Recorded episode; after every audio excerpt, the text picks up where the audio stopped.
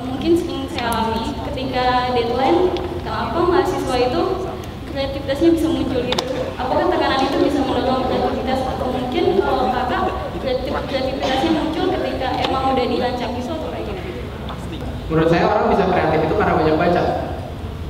Orang punya kreativitas itu karena banyak baca, banyak punya pengalaman, banyak nonton, banyak tahu dari orang lain, banyak curhat sesuatu sama orang lain itu yang membangun kreativitas. Karena gini, saat kita udah mepet pun, udah mepet nih, tapi pengetahuan kita atau pengalaman kita nggak sebanyak itu, kreativitas yang akan ada ya sementok itu aja, di lingkaran itu aja gitu loh. Ya, jadi kalau untuk kamu misalnya untuk peng- pengen kreativitas, jangan cuma baca doang juga, tapi coba membuat. Coba membuat dan cobain gagal. Dalam membuatnya cobain gagal karena saat kamu gagal kamu tahu kesalahannya kenapa dan di situ kreativitas kamu.